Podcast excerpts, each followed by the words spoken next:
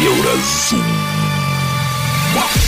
Самая еўрапейская праграма пра Беларусь. Вітаю, гэта праграма Еўразум. І самыя важныя падзеі сэнсы панядзелку 15 студзеня. Ці паўплываюць на Беларусь падзеі ў Йемене і вакол Тайваня. Беларусь входит в тот регион, который в наибольшей степени страдает от изменений климата. Если вы до сих пор не почувствовали это на себе, я даже не знаю, что вам еще сказать на эту тему. У Беларуси подорожают кредиты. Чему? В данном случае, как я уже сказала, э, наблюдается определенное ужесточение. Ці застануцца беларускія незалежныя медыі без фінансавання. Мова ідзе пра менавіта расійскія медыа і беларускія. То есть нас тут аб'ядналі у одну скрыню, нам прапануюць працаваць разам. Я разумею гэтую логіку, але лічу, што гэта памылка. І гэта працяг той каланіяльнай прапаганды, якую нам навязваюць Крemль. Пра гэта ды іншае больш падрабязна цягам бліжэйшай гадзіны. Еўразум жыві ў рытме Еўропы. На выходных увесь свет назіраў за выбарамі ў Тайвані. Новым прэзідэнтам гэтай непрызнанай краіны стаў лідар кіруючай дэмакратычнай прагрэсіўнай партыі Лай Цндэ. Мацерыковы Кітай называе Цндэ сепаратыстам, паколькі ён выступае за поўную незалежнасць вострава і збліжэнне з ЗША. Цндэ не раз заяўляў, што Тайвань ужо суверэнная краіна. Ну а Пекін збіраецца аб'явіць вайну, калі тайванцы афіцыйна заявяць аб сваёй незалежнасці. ЗША ў сваю чаргу чаргу заявілі што заступяцца за гэтую 24 мільённую выспу калі паўтара мільярдны мацерковы Китая нападзе на яе то бок рэгіянальны канфлікт можа перарасці ў глобальнае супрацьстаянне ЗША і Китая двух найбуйнейшых эканамічных і вайсковых дзяржаў планеты.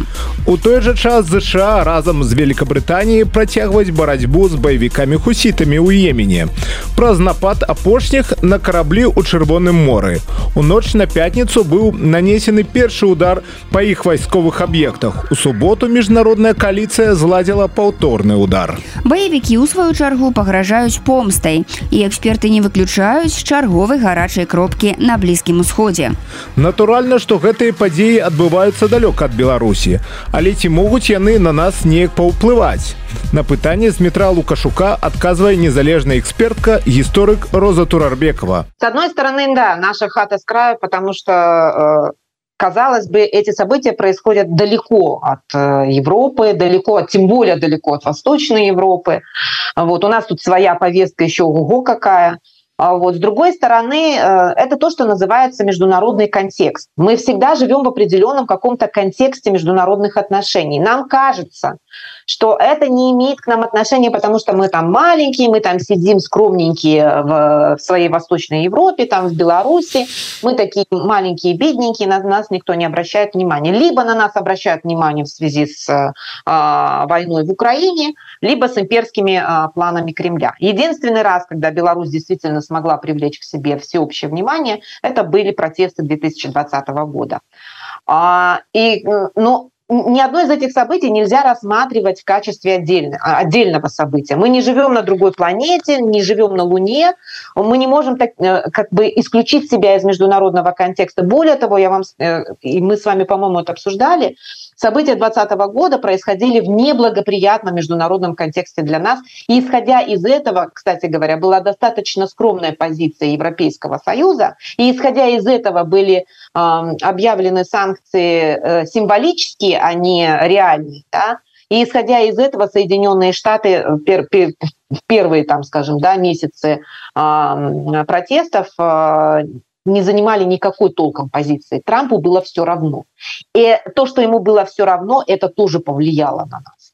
А теперь, что касается хуситов и Тайваня. А, смотрите, а, Действительно, Красное море от нас далеко, а, сектор газа тем более, там же где-то. Да. Соединенные Штаты сейчас и Великобритания уделяют огромное внимание именно этому региону, но не просто внимание, а Соединенные Штаты и Великобритания находятся фактически на грани региональной войны. А американские аналитики это сравнивают с возможностью повторения сценария с Ираком. Каким образом это влияет на Беларусь? Первое. Красное море – это одна из главных артерий мировой торговли. То есть это ясно, что да, Львиная доля нефти, которая вывозится из стран Персидского залива, она вывозится через Красное море в Европу, например, да, вместо того, чтобы огибать, как там в свое время, да, Африку а, до строительства Суэцкого канала, вместо этого как бы э, Красное море являлось глав... одной из главных таких морских артерий. Там есть, а, вы можете посмотреть там в аналитике, какой процент мировой торговли на себя забирает именно Красное море и Суэцкий канал. Какое это имеет отношение к Беларуси? А, ко всем это имеет отношение. Цена на нефть подскочила, она будет расти и вверх, и дальше. А, если кто-то не понимает, что значит цена на нефть, ну, мне даже сложно объяснять э, в том смысле, что у нас настолько это просто. Цена на нефть означает в первую очередь что? А, удорожание а, основных продуктов продовольствия – раз, поступление новых э, все-таки повышение да, доходности даже для российского бюджета – два. И что касается скажем так, введение новых э, там, зеленых технологий и так далее и тому подобное, а в них потребность снижается, это три. Соответственно, экологическая повестка, там, повестка, связанная с э, изменением климата, отодвигается там на задний а, план. Какое это имеет отношение к Беларуси? Беларусь входит в тот регион, который в наибольшей степени страдает от изменений климата. Если вы до сих пор не почувствовали это на себе, я даже не знаю, что вам еще сказать на эту тему. А если э, вы должны, вы должны понимать, что если цена на нефть поднимается, Россия получает дополнительные источники финансирования, соответственно, война продлевается. Второе. Третье такое прямо вот э, тоже простое последствие. Если Соединенные Штаты и Великобритания сейчас все больше и больше будут уделять внимание, то есть воевать, использовать свои виды вооружений, еще больше снабжать оружием а, Израиль и страны Персидского залива, скажите мне, пожалуйста, кто в первую очередь от этого пострадает? Конечно, вооруженные силы Украины. То есть это будет все решаться за чей-то счет. За чей счет? За наш счет. Мы отодвигаемся уже не на а, второй план, вернее, мы-то уже, мы-то уже давно на втором плане, на третьем плане, а мы уже отодвигаемся на четвертый и пятый план. То есть вы открываете э, средства массовой информации, любой, BBC, CNN, где Украина? Вот первый вопрос, где Украина? Да? Есть вот эти там, как это, тематические разделы, вы видите, да? Война в Газе, там, где World, да, написано World News, да, война в Газе, война в Украине. Война в Украине уже стоит на втором месте. Теперь посмотрите, на первое место начинает выдвигаться все, что развивается в Красном море. К счастью, редакционная политика сейчас CNN и BBC включила события в Красном море, тем не менее, в Ближний Восток и пристегнула фактически к сектору газа. Хотя вот категорически там политически все выступают, что это не так, что это совершенно отдельное дело. Ну, как бы политики принимают еще решения, исходя из того, что они сейчас тоже смотрят новости.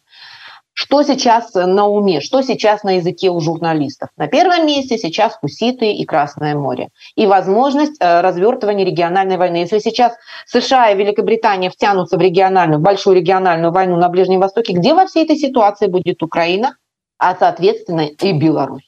Поэтому, с одной стороны, мы, конечно, можем сказать, да бог с ними, с хуситами, с хуситами я это сказала, потому что я про них слишком много написала за последние 2-3 дня. Вот, не, не потому, что я считаю, что они не важны. Протягиваем размову с Розой Турарбековой. Что касается Тайваня, это достаточно тоже тревожный звонок. Почему? Потому что коммунистическое руководство Китая сейчас, э, скорее всего, будет задействовать такие более радикальные, возможно, да, сценарии а, поведения э, в отношении Тайваня. Это, это повлечет за собой вовлечение опять Соединенных Штатов, идет распыление сил США да, и их союзников на вот эту общую мировую повестку. Сектор газа, Красное море, Тайваньский пролив. Где Украина? Где Восточная Европа? Выборы в Соединенных Штатах. Это все будет обсуждаться, это все будет вынесено в повестку, естественно, а, этой самой предвыборной кампании. И мы с вами говорили об этом, да, что если Трамп допускается а, к этому, к этой гонке президентской, если он в праймерис побеждает, то, соответственно, он выходит со своей повесткой. И если кто-то не помнит, я напомню, какая у него основная повестка. Торговая война с Китаем – раз – заключить перемирие с э, тем самым с Россией, да, наладить отношения. Два, э, всем остальным оружие не раздавать, раздавать оружие только Израилю и Саудовской Аравии, Объединенным Арабским Эмиратам, те, кто способен заплатить. Где во всей этой истории Украина? Нигде. Вот и последствия. Вот вам и хуситы. Вот вроде бы, да, кто такие хуситы? Я, конечно, могу еще там рассказывать чисто региональную историю, их личную, их не, не личную, их политическую историю этой группы, которую я сейчас считаю уже не группой, а государством на самом деле. Вот просто политически очень сложно, конечно, произнести вслух, что хуситы уже фактически э, являются основателями государства. У них государство уже строится. Вот. Э, казалось бы, это где-то там, в каком-то там Йемене. Вот я вам рассказываю, в каком он Йемене. А если еще события начнут разворачиваться в Красном море таким образом, что будут блокированы все эти мировые а, торговые пути, ну весь этот путь, я имею в виду Суэцкий канал, да, Красное море, весь этот вывоз да, из Азии в Европу. Что я могу сказать? Ну, у нас и так инфляция, да, тут будет еще больше инфляция. И Беларусь, она не отделается. Вот, вот не отсидеться, к сожалению. Мы все живем в этом мире и живем по этим законам. Рынок э, на нас, на всех влияет. Это только если построить натуральное хозяйство и устроить феодализм. Тогда да, тогда можем спокойно сказать, да, эти хуситы, да, да, да нам до них дела нет. Тогда да. Не ну а что? Вы ж я думаю там ну не глядели но читали. Там собрались два патриота девственника азаронок с дермантом и разважалі про побудову вялікіх там нейкіх поселенняў многодетных и гэтак далей. То есть вот ну все нормально вяртаемся к такому вот земледельчества да. феодально вот вам батька все дела у их вернее там все ж нормально. Ну, да натуральное хозяйство натуральное хозяйство. Ну на заводы вот эти вот детали, вот все, что связано, вся эта история с МАЗом, э, что, куда все это? Наша так называемая экспортоориентированная экономика, она будет все больше и больше страдать от этого. И э, этот э, временный эффект, связанный с тем, что российский рынок нам открылся, и мы туда прямо все повезли, этот временный эффект сходит на нет – еще раз повторюсь, я не экономист, ничего, ничего сказать не могу относительно такой общей э, да, экономической картины, связанной с тем, как, как сейчас в Беларуси происходит. Но вот, этот вот э, эта цифра относительно отрицательного торгового сальда, да, на который выходит сейчас белорусская экономика, белорусская торговля, минус 2 миллиарда. Откуда это взялось вообще? У нас же все прекрасно. У нас ну... все там потоком идет на восток, нам Запад не нужен вообще в принципе. Гэта была гісторык і паліталагіня Роза Турарбекова. Яна патлумачыла, як на Беларусь могуць паўплываць падзеі на блізкім усходзе і вакол Тайваня. Еўразум. Беларусь у еўрапейскім фокусе. Далей у праграме Еўразум. У Беларуси дорожеют кредиты. Чему? И в данном случае, как я уже сказала, э, наблюдается определенное ужесточение. Ці застанутся белорусские незалежные меды без финансования? Мова идет про менавіта российские меды и белорусские. То есть нас тут объединали у одну скрыню, нам пропонуют працаваць разом. Я разумею эту логику, але лечу, что это помылка. И это протяг той колониальной пропаганды, якую нам навязывает Кремль. Сустрэнемся пасля навінаў спорту.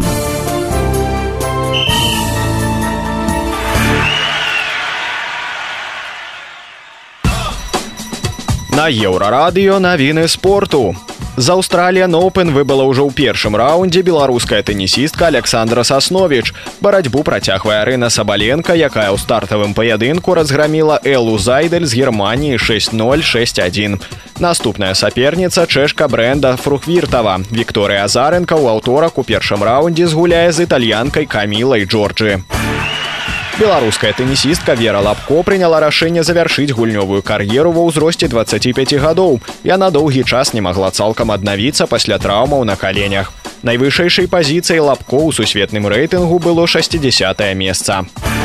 У баскетбалістаў мінска 22 паражэнне запару адзінай лізе ВТБ. На гэты раз яны на сваёй пляцоўцы саступілі маскоўскаму МБА 7986.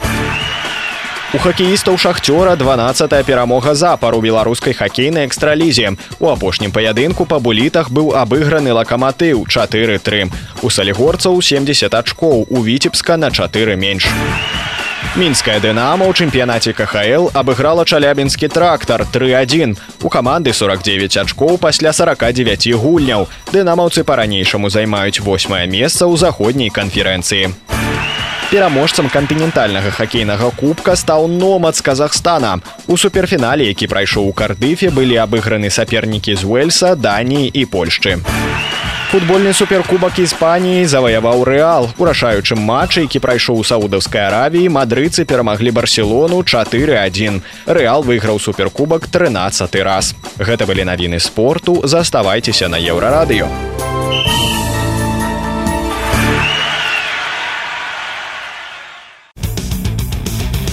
Еўразум. Жыві ў рытме Еўропы.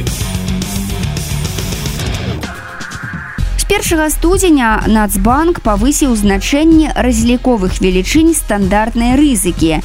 рвср скарочана. Гэта такая вяршыня працэнтнай стаўкі альбо сігнал калі банкі разумеюць што вышэй яе падымаць крэдыты нельга бо пачнуцца праблемы ў эканоміцы подветка белстата гэты паказчык для юрыдычных асобаў склаў 11 і 26 адсоткаў гадавых. У снежні ён вырас амаль на 0,3 адсоткі. Для фізічных асоб значэнне павялічылася на 1 і 19 адсоткаў і на студзень склала 16 з паловай адсоткаў. Ад паказчыка рвср наўпрост залежыць працэнтныя стаўкі. Гэта можа азначаць што крэдыты для звычайных людзей стануць нашмат даражэйшымі. Еўрарадыо распытала эканамічных экспертаў пра рвср чым яна адрозніваецца ад стаўкі рэфінансавання ад чаго залежыць яе рост і як яна паўплывае на простых беларусаў. Слухаем наш рэпартаж. Эканамістка аналітычнага цэнтра бюрок Анастасія Лузгіна кажа, што разліковая велічыня стандартнай рызыкі уяўляе сабой памежныя стаўкі па новых крэдытах для юрыдычных і фізычных асоб, якія могуць вызначаць камерцыйныя банкі. Выше э, ставки могут быть также выше данных пределов, но в этом случае это считается уже такие ставки уже с более высоким риском, и в этом случае на банки а, обязаны там накладываются дополнительные ограничения там по резервам. Отличие РСФСР от э, непосредственно ставки рефинансирования, конечно, есть. Э, если ставка рефинансирования – это сигнальный показатель, э, который устанавливает сам центральный банк, и от этого зависит стоимость, опять-таки, ресурсов, которые он может предоставлять коммерческим банкам, и а, который опосредованно влияет на а, ставки по кредитам и депозитам в банковской системе, то расчетные величины стандартного риска, ну, это такой более узкий, можно сказать, то есть показатель такой более узкого направленности, который именно влияет э, на размер, на уровень ставок по новым кредитам, исключительно вот, которые будут устанавливать коммерческие банки. Лузгіна адзначае, што гэты нарматыў наўпрост уплывае на кошт крэдытаў. Калі цэнтральны банк павышае РВСР, адпаведна і камерцыйныя банкі могуць павялічваць стаўкі без наступстваў з боку цэнтральнага банка. А, ну и если растут ставки, соответственно, это а, ограничивает спрос на кредиты, потому что кредиты становятся более дорогими. В настоящее время мы видим, что Центральный банк опять вернулся к э, практике э, повышения расчетных величин стандартного риска. Но это связано и в том числе с ускорением инфляционных процессов экономики. Но, с другой стороны, э, Центральный банк э, демонстрирует определенный элемент ужесточения денежно-кредитной политики, чтобы не допустить большого перегрева экономики, чтобы охладить немножко кредитный рынок. Повышение РВСР, по словах экспертки, не связан с нестабильностью в экономице. Это только один из инструментов, яким користаются центральные банки у своей монетарной политицы. И в данном случае, как я уже сказала, э, наблюдается определенное ужесточение элемент ужесточения э, денежно-кредитной политики, который проявляется вот через повышение да, вот этих вот, вот этого уровня РВСР. Э, ну, надо сказать, что э, это можно такой более мягкий вариант ужесточения монетарной политики, так как более прямой инструмент, который влияет в целом на банковский сектор, на Эм, кредитный рынок, на депозитный рынок, это, конечно, изменение ставки рефинансирования. Ставка рефинансирования остается той же.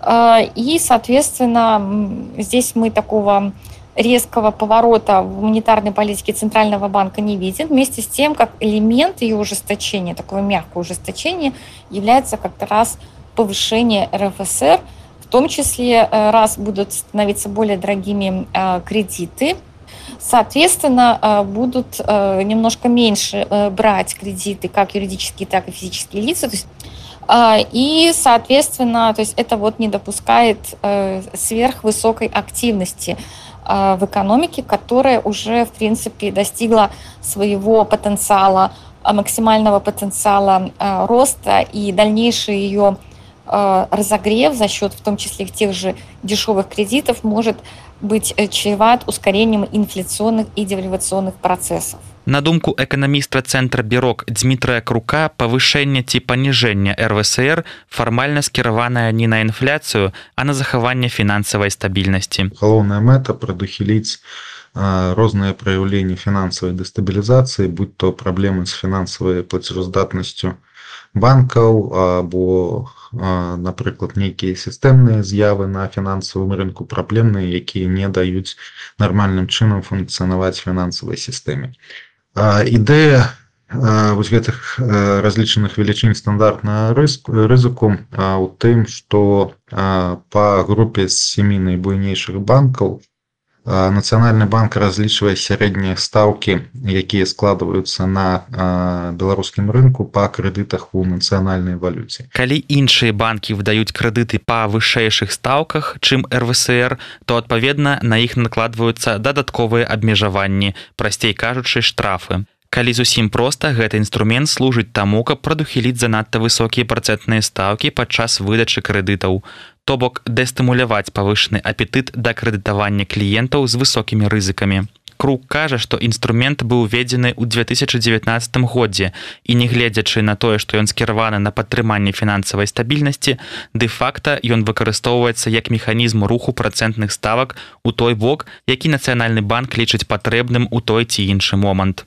То бок калі рвср подвышаецца гэта значыць что банки э, могуць э, больш свабодна выдаваць крэдыты под больш высокія стаўкі і паведна подвышэнне РВСР зараз. Гэта сігнал да таго, што стаўкі на рынку падвысяцца, крэдыты стануць даражэйшымі. Чаму гэта актуальна зараз? Зноў жа такі падкрэслю, што такім чынам ускосна Нацбанк змагаецца з інфляцыйнымі выклікамі, паколькі не можа скарыстацца нармальнымі інструментамі, карыстаецца дэ-факта другаснымі, якія не павінны выкарыстоўвацца дзеля гэтай мэты. На думку эканаміста РВСР будзе расці далей, бо ў прыняцці сваіх рашэнняў Нацбанк не незалежны і па факце проста закладнік жадання стымуляваць эканамічны рост. Інфармацыйная служба еўрарадыё. Еўразум. Беларусь у еўрапейскім фокусе. Далей у праграме еўразум. Ці застануцца беларускія незалежныя медыа без фінансавання. Мова ідзе пра менавіта расійскія медыа і беларускія. То есть нас тут аб'ядналі у одну скрыню, нам прапануюць працаваць разам. Я разумею гэтую логіку, але лічу, што гэта памылка. І гэта працяг той каланіяльнай прапаганды, якую нам навязваюць Крэль. Сустрэнемся пасля навінаў шоу-бізу. Шоу-біз.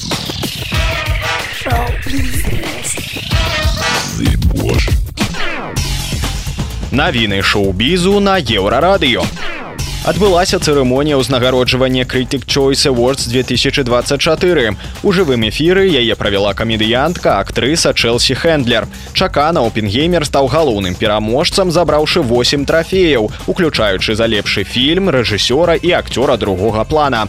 Стужка барбі апынулася на другім месцы шасцю перамогамі уключаючы за лепшую камедыю і лепшую песню. Галоўныя асабістыя статуэткі атрымалі лепшая актрыса эма стоун за ролю ў фільме power things і лепшы акцёр пол джамаці ў стужцы the holders вядомы акцёр харрисон форт атрымаў узнагароду за кар'ерныя дасягненні а амерыка ферера была адзначана прэміяй сихе еўрапейская камісія плануе заручыцца дапамогай музычных выканаўцаў каб мабілізаваць маладых людзей напярэдадні выбараў у ес вядомыя музыкі разалія анжель страмай ды гурт манескін менавіта такі спіс творчых асоб плануецца запрасіць. Пры адборы знакамітасцей будзе выкананы геаграфічны баланс каб ахапіць найбольшую колькасць грамадзян краін членаў ес. Напярэдадні віцэ-прэзідэнт еўрапейскай камісіі маргарыці схінас звярнуўся з нечаканай просьбай да спявачкі тейлор на наўпрост попрасіўшы яе разварушыць маладых еўрапейцаў напярэдадні выбараў у еўрапейскі парламент якія пройдуць 6 по 9 чэрвеня ніхто не можа мабілізаваць моладзь лепш чым самі маладыя людзі сказаў схінас у сераду Мой тата Леў Рубінштейн памёр сёння, напісала яго дачка Марыя ў сваім блогу учора. 12 студзеня ў сеціве ўжо паведамлялі аб смерці Рубінштейна, аднак лекары сама Марыя тады гэтую інфармацыю абверглі. Паэт трапіў пад машыну, калі пераходзіў вуліцу ў Маскве і быў шпіталізаваны ў цяжкім стане. З 12 студзеня знаходзіўся ў коме. Леў Рубінштейн нарадзіўся ў 1947 годзе і атрымаў адукацыю філолага. Доўгі час працаваў бібліятэкарам. Ён быў адным з прадстаўнікоў савецкай андэграўднай літаратурнай сцэны 70-х 80-х гадоў мінулага стагоддзя. Лічыўся адным з заснавальнікаў маскоўскага руху канцэптуалістаў. Гэта былі навіны шоу-бізу, заставайцеся на еўрарадыё. Еўразум жыві ў рытме Еўропы.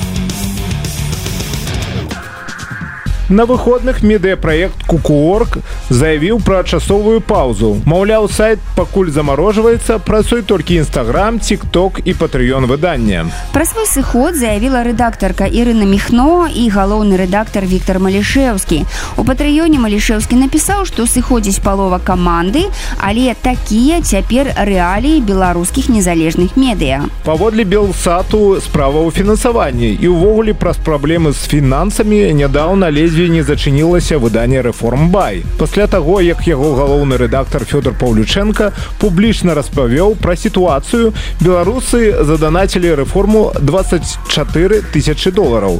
І на некалькі месяцаў пытанне закрылася. У сваю чаргу дырэктарка фонду падтрымкі новых медыа інфапоінт медыа нетворк Саша Романова, а кукучастка інфапоінту заявіла, што рэсурс проста змяняе галоўрэда і будзе працаваць у новым фармаце. Маўляў, якая паўза пауза. Вы пра што натуральна что мы вырашылі разаобрацца ў гэтай сітуацыі бо калі з фінансаваннем сапраўды бяда беларусы з цягам часу просто застануцца без незалежных медыа тым больш як вядома цяпер расійскія медыяпраекты самі спрабуюць браць гранты под беларускую аўдыторыю. Дык чаго чакаюць ці можна казаць пра крызіс у беларускіх медыа на момант запісу гэтай размовы саша романова яшчэ пакуль з намі не паразмаўляла. Але ўзгадваем нядаўнюю размову нашага галоўного рэдактора Павла Свердлова з Фёдором Паўлючэнкам. Пасля таго, як кіраўнік рэформу напісаў адкрыты ліст да грамадскасці. Фёдор, ну распавядзі, што здарылася, што адбылося, чаму ўвогуле вось у такім лісце ўзнікла патрэба. Насамрэч у лісце ўсё апісана, сітуацыя наступная у нас амаль няма грошай для працягу працы. І на жаль, мы маем грошы ну, мелі грошы на некалькі месяцаў працы. І э, гэта сітуацыя звязаная з тым што мы атрымалі адмоўны адказ ад вялікага інстытуцыйнага донара еўрапейскага які насамрэч аказвае такую падтрымку незалежным медыа мы чакалі гэтага адказу амаль паўгады. Спадзяваліся што гэта дазволіць нам працаваць далей але калі няма такой падтрымкі то даволі складана працягваць працу ну, складана гэта не тое слово немагчыма насамрэч да. мы раней працавалі ну працягваем працаваць ты ведаеш як это працуе. Гэта так званыя спецпраекты калі ты атрымліваеш невялікія грошы на рэалізацыю нейкага неасноўнага прадукту рэдакцыі. І ну маеш грошы фінансуеш фінансуеш астатнюю і... працу. так і гэтыя грошы заўсёды на два-тры месяцы. І насамрэч ты не можаш планаваць працу больш за тры месяцы. Так працуюць амаль ну не лічу што амаль усе беларускія меды сярэднія меды нішавыя меды гэта сітуацыя не толькі наша ёй знаходіцца зараз наколькі я атрымаў фідбэк ад калегаў большасць рэдакцыі знаходзіцца ў такой сітуацыі. Я так наколькі разумею вы таксама не ну да мы таксама маецеем далейшую працу. проектныя грошы. І я б сказаў что гэта значыць что сітуацыя ну такая незбалансаваная ненармальная да і беларускія меды асабліва вось невялікія меды да яны знаходзяцца ў сітуацыі калі гарызонт планавання гэта пара месяцаў Ну так. Адпаведна ну як наймаць новага чалавека напрыклад? Ты не ведаеш праз пару месяцаў э, будуць у цябе грошы на яго ці давядзецца сказаць ну да пабачэння калі ты шчыра з гэтым чалавекам размаўляеш про это ён кажа ну лепш я пойду куды-небудзь у іншае месца нават э, у грузчыка у бедронцы больш гаранты і больш ён упэўнены ў сваёй будучыні чым сёння чалавеку беларускай журналісты цы і мне здаецца што гэта адказ на э, все такія вось прэтэнзіі про тое что про мільённыя бюджэты про шмат грошай у якіх быццам выкупаюцца беларускія медыі ў прыватнасці незалежныя. Я маю на увазе бо з дзяржаўнымі медыямі сітуацыя іншая там гарантаванае фінансаванне з бюджэту і беларускія дэмакратычныя сілы увогуле але федор вось я бачу гэтыя каментары а дзе там? Вось барэль недавно паабяцаў 30 мільёнаў і да таго яшчэ былі нейкія там 53 мільёны да вось куды яны ўсе падзеліся чаму яны не дабраліся да рэформбай і да еўрарадыё в прынцыпе таксама? Ну э, напэўна грошы недзе ёсць я не ведаю грошы гэта я не бачыў але наколькі я разумею сітуацыю яна выгляд выглядае такім чынам. Ёсць донары які атрымліваюць грошы ад дзяржаўных структур еўрапейскіх амерыканскіх так званыя імплементары яны гэтыя грошы размяркоўваюць на меды. І вось тут пытанне што называется меды. Наколькі я зразумеў меды гэта ўсё амаль усё. Амаль любая дзейнасць звязаная з актывізмам прафесійная журналістыка блогеры і так далей. Гэтых грошай насамрэч калі так палічыць то ну, недастаткова на такую колькасць атрымальнікаў. І тут галоўная на мой погляд памылка что э, і донары і насамрэч і грамадства не разумее наколькі каштоўная прафесійная журналістыка. Вось гэта асноўнае пытанне. Ведаеш гэта як паветра. Яно існуе то мы не адчуваем яго ну добра вось ёсць прафесійныя журналісты ахопы зараз у меды прафесійных не, не вельмі яны заблакаваныя рэпрэсаваныя без грошай і ёсць адчуванне что ну а навошта яны? Ось я чуў шмат разоў да? а навошта і ніхто не разумее что амаль усё что вы спажываеце увесь контент забаўляльны а блогераў ютубераў тиктокераў. Усе гэтыя безумоўна паважаныя людзі карыстаюцца прадуктам прафесійных медыа ён не, не звальваецца з неба.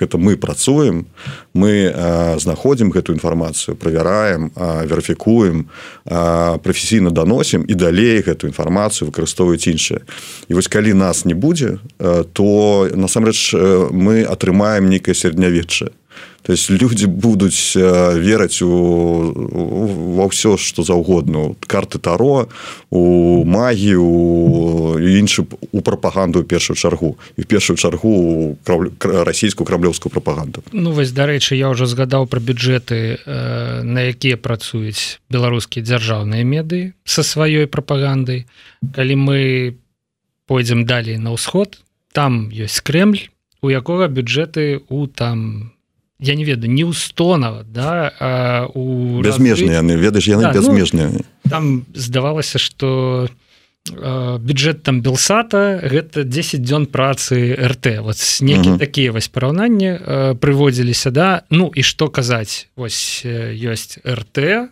да ёсць белсад далей я думаю что мы можем вось так ось ёсць крыху меншае яшчэ еўра радыо нават не крыху і далей яшчэ вось ёсць крыху меншы рэформ бай Да? Ну не такі ж мы крыху меншая паша давай тут паспрачаемся ну, мы, мы заўсёды з тобой спрачаемся на гэты конт але э, добра.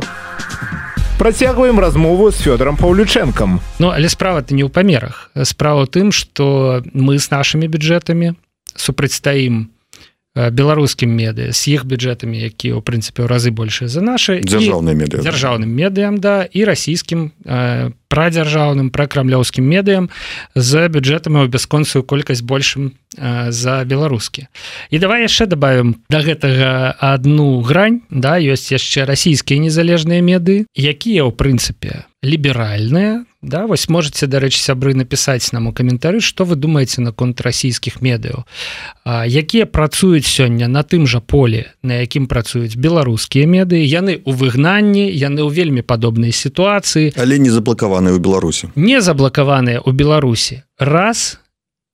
І з іншага боку лічаць что да яны могуць вельмі лёгка працаваць з беларускай аўдыторыі на знаёмая усім зразумелая усім у беларусі рускай мове з іх таксама якаснымі добрымі бюджэтамі ну, добра працуюць праграмамі добра працаваць. І у выніку навошта тады беларускія незалежныя меды? Вось такое паўстае пытанне у там донараў да і вось такія думкі ўласна гэтыя расійскія меды гэтым донарам навязваюць. Калі ёсць прекрасныя расійскія меды якія всю беларускую аўдыторыю змогуць акучыць без праблем.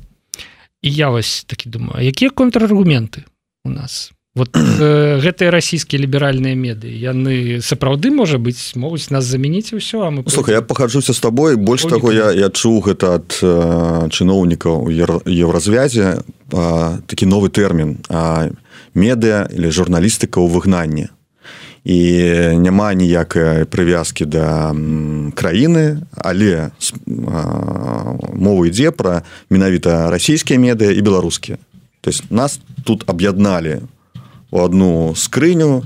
Мы на ну, нам прапануюць працаваць разам. І на мой погляд я, я разумею гэтую логіку але лічу что гэта памылка. І гэта працяг той каланіяльна каланіяльнай прапаганды якую нам навязваюць працуе з нашим грамадствам Крemль спрабуе знішыць ідэнтычнасць беларускую. І вось такія захады з еўрапейскім грамадствам так, так, так. роўна ў тым же самым і атрымліваецца что еўрапейскія чыноўнікі яны выкарыстоўваюць тую ж самую логіку ну калі калі гэта аднолькавыя праблемы калі гэта амаль нічым не адрозніваюцца наколькі я разумею яны гэта бачаць як амаль ну что там русские беларускія якая розніца то а, а, ну, гэта працяг той самой каланіяльнай логікі я лічу что гэта великкая памылка і что трэба супрацьстаяць гэтай логіцы і трэба знайсці ну, тлумачэнне чаму беларускія медыа павінны ісці адзе асобным кейсам вось гэта галоўная ідэя моя я лічу что насамрэчы праблемы з фінансаваннем так званые праблемы з фінансаваннем звязаны з гэтай праблемы тому что безумоўна расійскі медыа для еўрачыноўнікаў прыярытэце яны спрабуюць паўплываць на расійскую аўдыторыю. І таму калі мы аб'ядноўваем разам гэтыя медыа то беларускія медыа атрымліваюць фінансаванне ў апошнюю чаргу. Вось гэта насамрэч вялікая праблема і трэба з на мой погляд займацца гэтай праблемай і офісу Светлан ціхановскай астатнім лабістам беларускім і галіновым арганізацыям якія існуюць у бела у беларускіх медыа это прэс-клуб гэта баш гэта іншыя арганізацыі якія ёсць лабізм трэба перамагаць. Чаму яго трэба перамагаць? Таму что па-першае беларусы гэта не расіяне. Мне здаецца что гэта зразумела ўсім акрамя людзей якія не хочуць разбірацца ў пытанні а хочуць нейкім чынам аптымізаваць сваю працу. Я маю на увазе еўрапейскіх бюракратаў і э, зменшыць фінансавыя выдаткі. Мне заўжды здавалася что шлях беларусі да Еўропы дзе я хочуць уласна бачыць людзі якія сядзяць у кабінетах у бруселі у страсбургу і ў іншых важных гарадах. Ён абсалютна не праз крemль а Беларусь нашмат блізкая да еўрапейцаў. Па апошніх дадзеных апытанняў нават сёння 13соткаў беларусаў кажуць што яны выступаюць за саюз еўрапейскім саюзам. За тут таўталогія атрымалася але тым не менш. Раней доля таких людзей была нашмат большая пакуль з краіны не зрабілі концлагеру якім аб'ектыўная сацыялогія ну магчымая з пэўнымі агаворкамі. Вось логіка якая зараз у тых кабінетах. Давайте спачатку мы нешта зробім з рассіяй а з беларусю нешта зробіцца само сабой. Калі не будзе рассіі калі не будзе яе падтрымки калі Путін перастане даваць лукашэнку грошы на все что лукашенко робіць падтрымліваць яго штаны і так далее але ну глядзіце спадары ў еўрапейскіх кабінетах. Я не ведаю пагодзяцца гледачы з намі ці не пагодзяцца да але зрабіць нешта з рассіі нашмат больш складана. Росія здаровая у яе шмат грошай у яе вся эта нафта у яе у уплыў у тым ліку у розных еўрапейскіх краінах да можна пералічаць да бясконцасці просто да? І ёсць Беларусь якая ў гэтым плане па-першае нашмат больш праеўрапейская бо якія настрою расійскім грамадстве мы таксама ведаем вельмі добра а па-другое яна меншая яна больш зразумелая яна больш простая. У ёй працэсы не такія складаныя не такія абароненыя як у Росіі Ну чаму вось гэта еўрабюракраты яднаюць гэтае пытанне ў адной лічыць што шлях да мінска да да пераменаў дэмакратычных у беларусі ён ляжыць выключна праз крэмлі маску Гэта былі галоўны рэдактор еўрарадыо павел свярдлоу і галоўрэд рэформбай фёдор паўлюченко яны абмеркавалі трывожную сітуацыю у якой цяпер апынуліся незалежныя беларускія медыа еўрапейскае радыё для беларусі Гэта была праграма Еўразум, штодзённы інфармацыйны падкаст еўрарадыё. Кожны дзень мы распавядаем пра самыя галоўныя навіны Беларусі і свету. А сённяшні выпуск скончаны. Беражыце сябе. Пачуемся.